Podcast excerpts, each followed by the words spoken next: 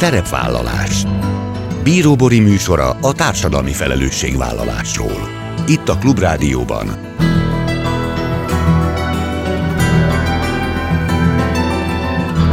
Szerepvállalás Jó napot kívánok! Bíróbori köszönti Önöket! Adásainkban hétről hétre példákat hozunk arra, hogy egy-egy cég vagy intézmény, netán magánszemély, milyen formában, milyen eszközökkel járul hozzá anyagi gondok, társadalmi problémák orvoslásához, az életminőség javításához, a fenntartható fejlődéshez. Így módon is kifejezve, hogy felelősséget érez azért a környezetért, amelyben él és dolgozik. 2021. decemberében az önkéntesség nemzetközi napjához kapcsolódva adták át az önkéntességért díjakat. Az Önkéntes Központ Alapítvány által létrehozott elismerést ezúttal 13. alkalommal osztották ki három kategóriában. A műsor első vendége Bartókné Piller Magdolna, aki több mint 30 éve vesz részt önkéntesként Puszta Szabolcs közéletében. Teljes odaadással hisz a közösség kultúrát, hagyománytörző és teremtő erejében, az emberek egymás iránti szeretetében, élményt adó együttlétében. 2021-ben Magdolna kapta az év önkéntese címet.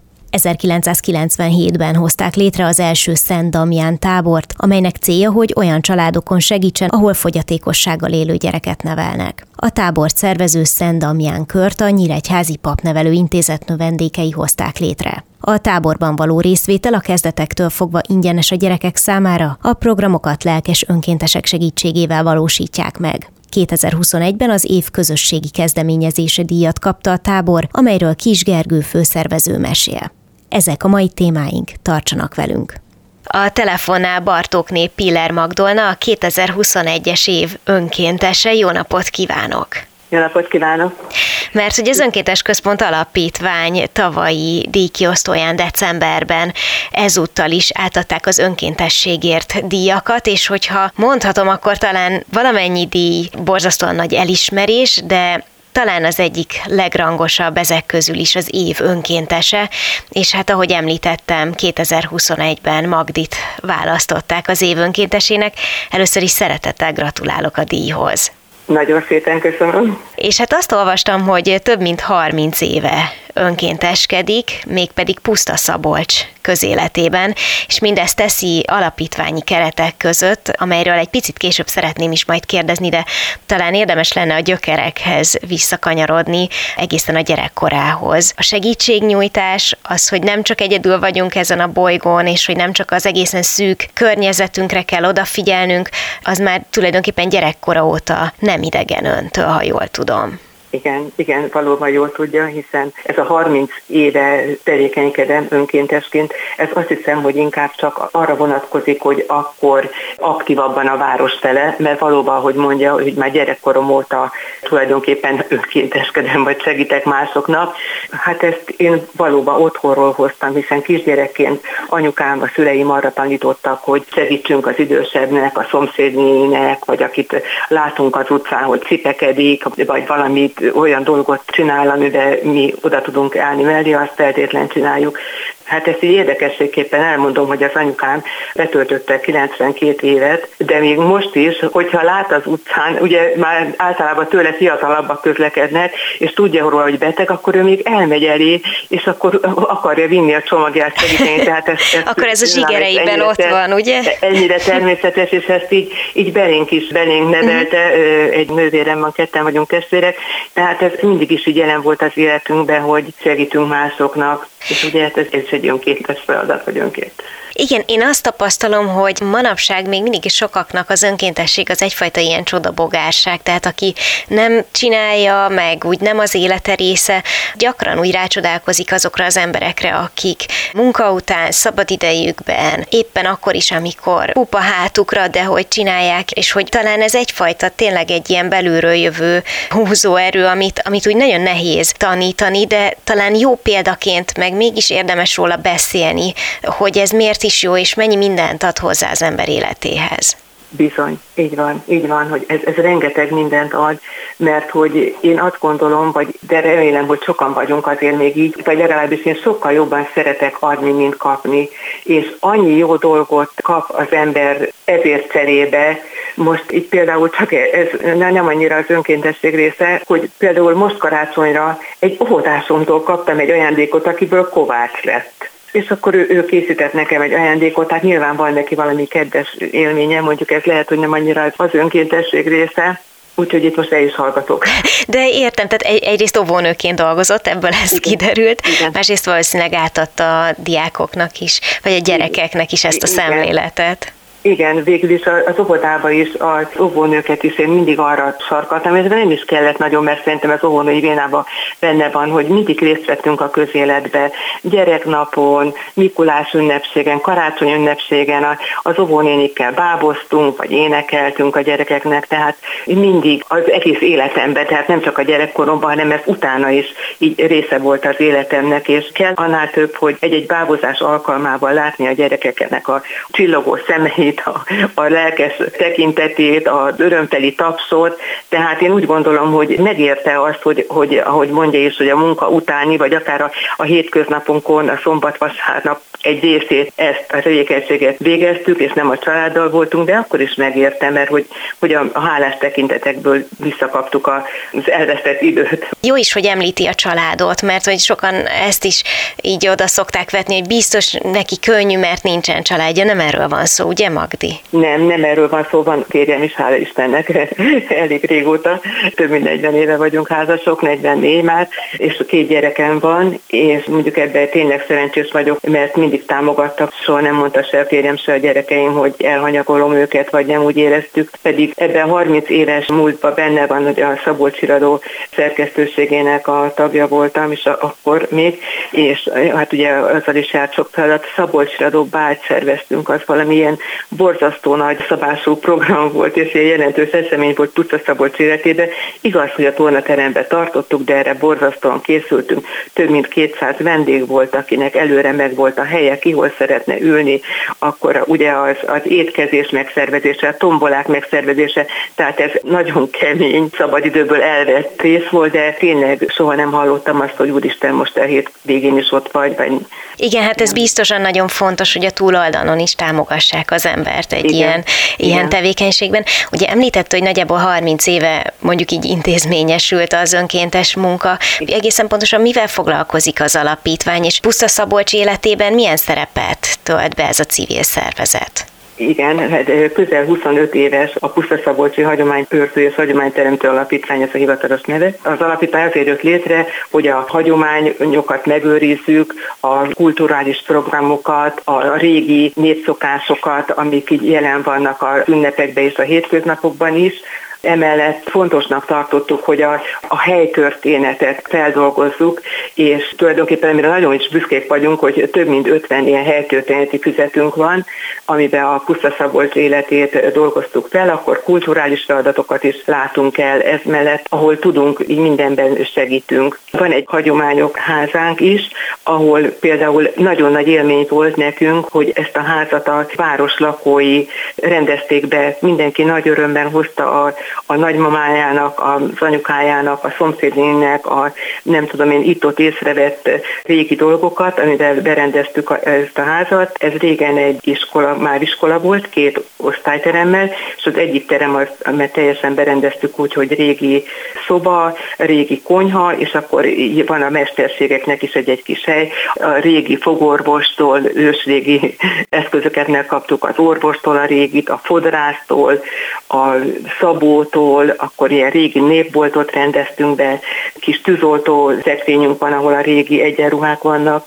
A másik szobában pedig egy ilyen közösségi tér van, ami alkalmas összejövetelekre. Ott van egy értékőrfalunk, mert ugye a pusztaszabolcsi értékeket is összegyűjtöttük. Volt az alapítványnak, van is egy ilyen értékőr csoportja, ahol összegyűjtöttük azokat az értékeket, feltártuk, hogy mi mit tartunk értékesnek. Pusztaszabolcson is több mint 80 értéket gyűjtöttünk össze, és akkor ebben a szobában van egy ilyen fal, ahova azoknak a fényképei is kikerültek, és akkor ez, ez egy ilyen közösségi tér, ami alkalmas arra, hogy itt különböző foglalkozásokat tartsunk, vagy tartsuk a kapcsolatot a város népével. Uh-huh. Hát is közben meg a múlt egy kis darabját így megtartják van. és megmutatják, vagy megőrzik az utókornak. Láttam felvételeket róla, és tényleg nagyon klassz és, és szívbe markoló, hogy így egy helyben ott van tulajdonképpen sok-sok olyan fontos emlék, ami a város története szempontjából meghatározó Szóval kérdezni még egy picit azért arról, hogy ha jól tudom, akkor most már nyugdíjas, de közben, Igen. ha lehet, akkor még aktívabb, így önkéntesként. Ez hogyan működik, vagy hogyan néz ki?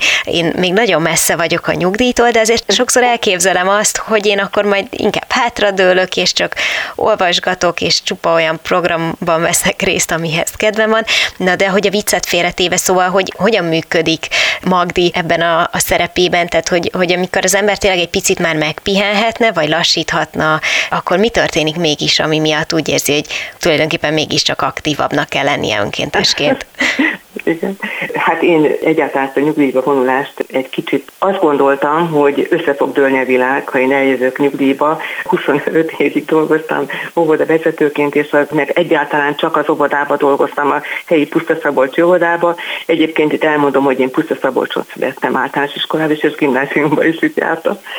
És akkor azt gondoltam, hogy összedől a világ, és akkor úristen, és olyan üres lesz minden körülöttem, én meg erre gondoltam, és akkor közben akkor így felgyorsultak a tevékenységek az alapítványnál is, mert hogy akkor alakult az értéktári bizottság, akkor mértük fel helyi értékeket, segítettünk a testvértelepüléseknek, és inkább, inkább úgy felgyorsult, és úgy feltesdült mindent, és egy kicsit az óvodát helyettesítette nekem az alapítványi tevékenység, és hát nagyon érdekes volt, és nagyon jó feladatok jöttek a testvértelepüléseknek, segítettünk kialakítani az, az értéktárat, akkor én nagyon szeretek fényképezni, és akkor ilyen komoly feladatként jelen meg, hogy a helyi programokat már az alapítványunknak én örökítettem meg, és akkor ezekben a helytörténeti füzetekbe is tömébe a, a jelen állapotról az én fényképeim vannak, akkor most már negyedik éve kincses kalendáriumot készítünk, most van éppen nyomda is szerkesztés alatt a, a negyedik kincses kalendárium, ami csupa-csupa érdekes, izgalmas feladatot ad, és akkor hát, hát ezek, ezek így kiteljesülnek, és akkor egyébként nagyon érdekes, ahogy mi fölépítjük ezeket a kalendáriumokat, és itt ketten csináljuk az alapítvány alapítójával, és akkor mindig, ahogy összegyűjtjük a feladatokat, ez szinte egész évre kiterjed, és nagyon jó, ezek, ezek olyan örömfeladatok.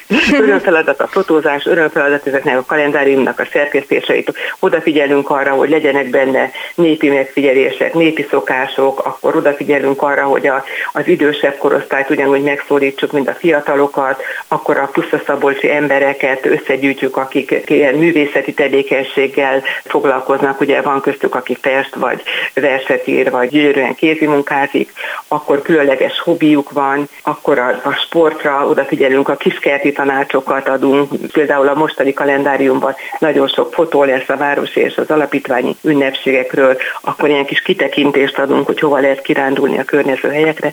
Tehát most ez nekem így nagyon jó, mert ez csupa-csupa olyan örömfeladat, én azt gondolom. Hát nagyon jó ezt hallani, hogy nyugdíjasként, ahogy ön mondta, hogy épp hogy nem dől össze a világ, hanem sőt kitágul és, és színesedik.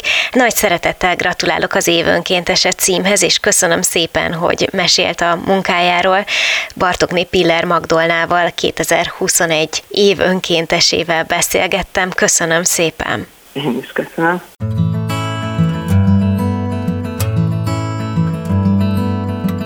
Szerepvállalás Bíróbori műsora a társadalmi felelősségvállalásról.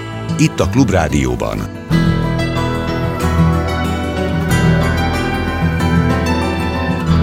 Szerepvállalás Folytatjuk az adást, és vendégem az év közösségi kezdeményezésének díjazottja, mégpedig a Szent Damján kör, amelynek képviseletében Kis Gergő, a Szent Damján tábor és kör főszervezője. Jó napot kívánok, szeretettel üdvözlöm! Jó napot kívánok, üdvözlök én is mindenkit. Egyrészt nagyon gratulálok a díjhoz. Az év közösségi kezdeményezését hozta el a Szent Damján kör, ami ugye alapvetően egy olyan tábort indít minden évben, amely során a fogyatékossággal élő gyerekeknek és családjaiknak szeretnének segíteni, mert hogy azoknak, akiknek a környezetében nem élnek fogyatékossággal élők, talán nem is tudják, hogy mekkora nagy segítséget jelenthet néhány nap vagy egy hét kiszakadni a mindennapokból, és találkozni olyanokkal, akik hasonló cipőben járnak. Mert hogyha jól tudom, akkor a Nyíregyházi Papnevelő Intézet, amelynek ugye a növendékei a Szent Damján kört annó létrehozták, alapvetően egy ilyen táborban gondolkodtak. Igen, alapvetően a tábor és maga a kör az onnan indult, hogy a Nyíregyházi Papnevelő Intézet növendékei a Nyíregyházán található Magdaléneum nevű intézetbe kezdtek el járni, ahol szellemi fogyatékkal élő gyerekekkel foglalkoztak, délutánonként, ahogy a kimenő idejük engedte, játszottak, énekeltek velük, és beépítették a napi imádságukba ezeket a gyerekeket, és felmerült egyszer az igény arra, hogy lehetőségeikhez képest minél többet segítsenek a gyerekeken, és azok családjaim. Aztán hát 1997-ben már 25 évvel ezelőtt indult ez a nagyon szép kezdeményezés, amikor úgy gondolták, hogy tábort szerveznek, és ennek kapcsán hozták létre a Szent Damján kört, amelynek az egész éves programja a tábor megszervezése. Minden év elején, minden tanév elején, minden év szeptemberében a Szent Damján kör tagjai választanak maguk között egy főszervezőt, aki igazából összefogja ennek a tábornak a megszervezését és hát nyilván a többiek, többi papnövendék segítségével is vannak külsős segítőink is, vannak hál' Istennek támogatóink, az ő segítségükkel tudunk idén már 25. alkalommal felejthetetlen élményt szerezni ezeknek a gyerekeknek. Fantasztikus, ugye a következő évi tábor főszervezője Gergő, és bizonyára ismeri, meg a korábbi évekből is vannak már tapasztalatai arról, hogy egészen pontosan mit is jelent egy ilyen tábor a fogyatékossággal élőknek és a családjaiknak. Tehát a visszajelzések alapján miről számolnak be ezek a gyerekek és a családjaik? Mit jelent számukra ez a néhány nap kikapcsolódás? És nyilván ez egy picit azért másfajta tábor, mint azok a hagyományos táborok, ahova egyébként azok a gyerekek, akik mondjuk így a többségi társadalomhoz tartoznak, szinte megszokott módon elellátogatnak. Amit hallottam a táborról, az alapján azt gondolom, hogy ez azért ennél egy picit több, és hogy itt borzasztóan fontos szerepe van a közösségnek. Alapvetően szerintem a tábornak azzal együtt, hogy nyilván játszunk velük, közösen éneklünk, közösen táncolunk, imádkozunk és jól érezzük magunkat. Mindezek mellett van egy olyan célja is a tábornak, hogy ők is úgy érezzék magukat, mint minden egészséges gyerek egy nyári táborban.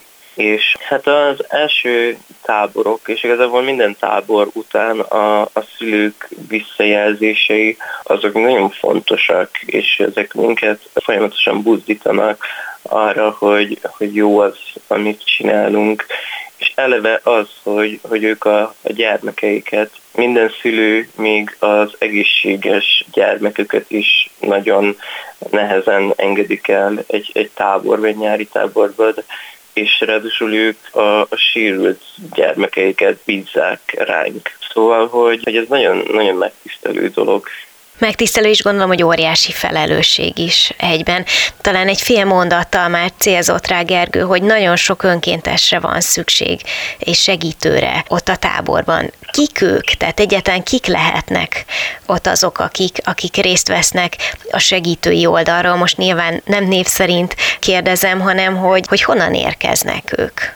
Igazából az ország bármelyik területéről Ilyen 16-17 év a korhatár, igyekszünk a felett fogadni az önkénteseket, de igazából barátok, ismerősök, egyetemisták, gimnazisták, vannak gyógypedagógus hallgatók, orvostan hallgatók, mindenki, akihez eljutott már a Szent Damján tábornak a híre, és és úgy érezte, hogy szeretné kipróbálni magát, szeretne örömet szerezni ezeknek a gyerekeknek, megismerni őket, tapasztalatot szerezni a, a felük való foglalkozásban.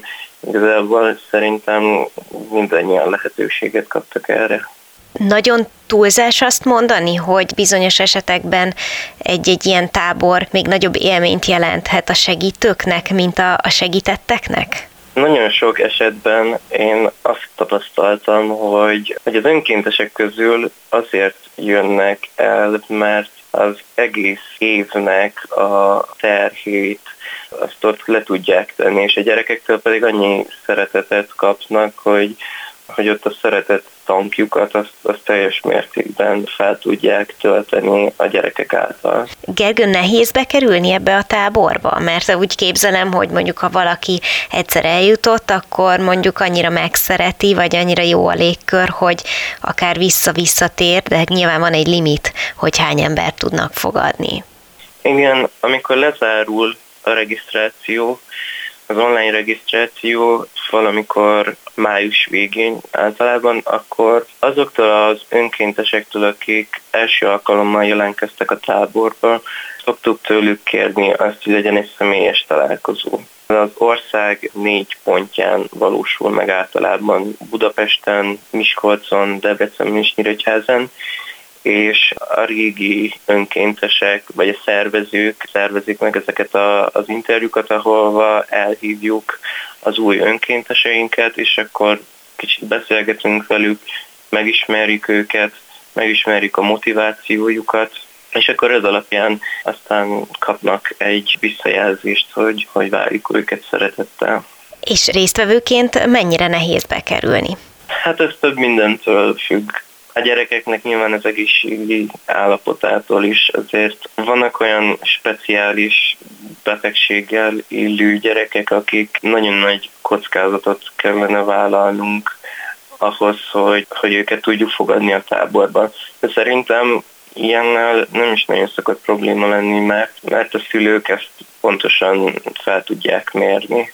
Gergő, még egy kérdéssel adós vagyok. Én nem tudtam korábban is, talán a hallgatók között is vannak olyanok, akik számára ez új információ lehet, hogy ki volt Szent Damján, akiről a kör és a tábor kapta a nevét. Hát a tábor Szent Kozmáról és Szent Damjáról kapta a nevét. Kis-Ázsiából élő ingyenes orvosok voltak. És a tábor tulajdonképpen azért is kapta róluk a nevét, hiszen ők ingyen gyógyították a, az embereket, és a tábor a résztvevők számára szintén ingyenes, és adta magát egyébként, hogy, hogy erről a két szentről, az ingyenes orvosokról kapja a tábor a nevét.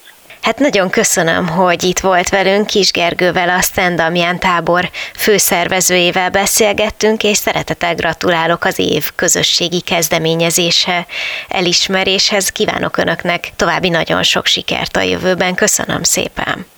Köszönjük szépen! Ennyi fért a mai műsorba, legközelebb jövő héten szombaton 18 órakor jelentkezem. Ha még nem tették, kövessenek minket közösségi oldalainkon, a Facebookon, az Instagramon és a YouTube-on. Ha bármiről lemaradtak volna, az adást pénteken 14 órakor ismételjük, de a Klubrádió weboldalán is vissza tudják keresni. És most már jó ideje podcast formában is elérhető a szerepvállalás. Keressék a Spotify, a Google és az Apple podcastek felületein, ahol bármikor meghallgatható a műsor. Köszönöm, hogy velem tartottak, további kellemes online rádiózást kívánok. Bíró Borit hallották.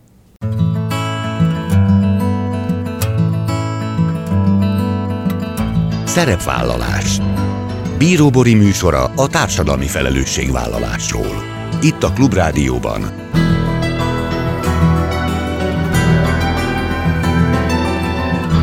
Szerepvállalás